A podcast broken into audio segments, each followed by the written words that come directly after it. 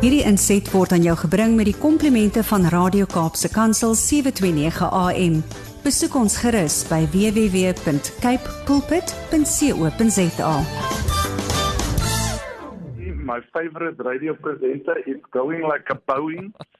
I've got five wonderful brothers um, uh, uh, with me, and uh, we are chatting about life and keeping uh, our eyes on the ball and and to to to to win this game that we we called life. So ons is ons is lekker besig om te gesels. Het julle al julle kanoes geberre en weer julle karre begin uittrek in die Kaap? Ja, maar ons ons praat nou net daaroor en daar kom 'n uh, bietjie reën wat nou val. So dit dit's nou nie baie reën nie, maar dit reën nou alweer. Dis is reën reën the whole time. Ons ons kla nie, maar ons kla ook so ons weet nie. You know, sometimes you're happy, sometimes you're not happy. The dams are full and then that's good and then there's some water but then there's too much water so we we don't know where we stand but we're just grateful for what we have. Yeah, my brother, be always be grateful. You see, uh, uh, this is one of the things I just want to bring to your attention today, and, and we are talking about it.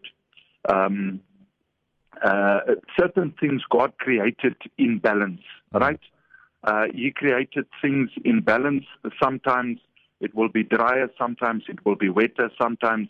Um, you know, over the years, I've seen, ek het gesien hoe mense, hulle, daar is 'n uh, 'n floodline en die mense gaan uh, because of the desperation of people, they go and build closer and closer and closer to the river because they want to be close to the water. And then there's a floodline, a 10 year, 20 year, 30 year floodline. And then the water comes down. You know, when the water falls in the mountains and it comes down. And the een ouer in Stellenbosch vir my vertel, yeah. Hy het die aand 7uur het hy langs die stroom gestaan en die rivier was vol. The next day he came back, it was 600 meters wide. Wow. So the water came down, it went over the bank, and sometimes in South Africa, it happens like this that we are waiting for the rain, and then the cold fronts come like this. And on Sunday, me and my brothers were chatting um, is it God's um, fault? People look at God and He says, But God, we wanted rain, but we didn't want so much rain, mm. you know? We wanted rain, but we don't want floods. God, we wanted sugar, but we don't want diabetes.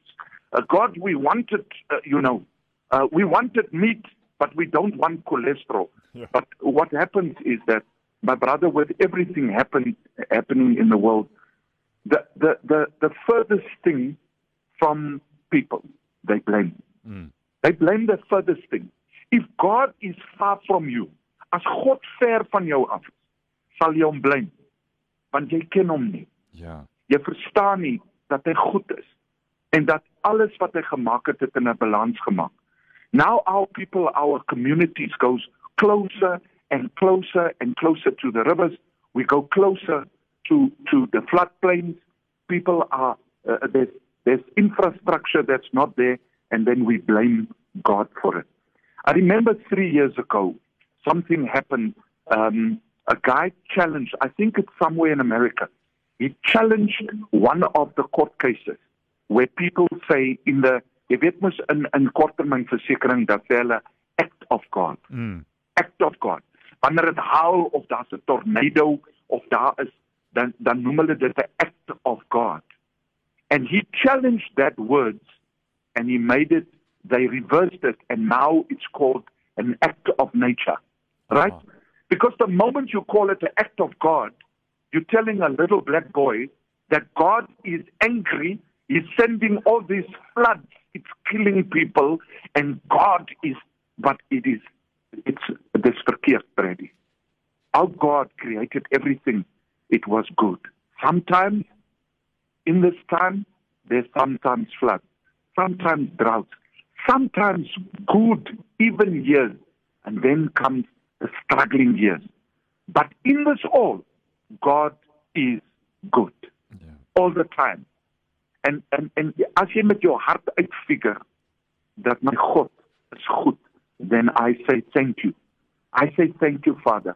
Father protect life, protect uh, the people. Father give us the opportunity to help people where where they are.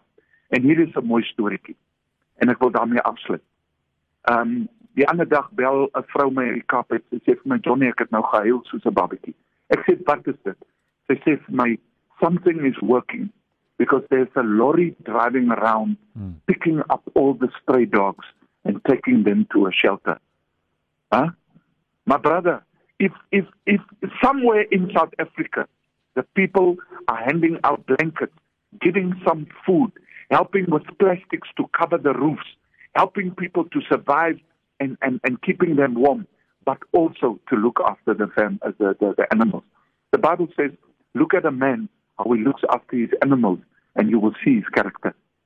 And I just want to say thank you to our Capetonian people looking after the animals also and looking after. In this time, God calls us to stretch out our hand to help our people, and we, in this, we do it thanks, with thanksgiving, and we move forward. God bless you. I'll be back in Cape Town by Friday morning, Lekker. but also flying out by Monday. Um, so dis net naweek vinnig by die huis mm -hmm. and uh, then I have to intensify my work for the next 8 months here. But God bless you. Um, he's still in charge. He's in charge. Uh, Noma Kanjani is the Zulu word for no matter what. Hierdie inset was aan jou gebring met die komplimente van Radio Kaapse Kansel 729 AM. Besoek ons gerus by www.cape pulpit.co.za.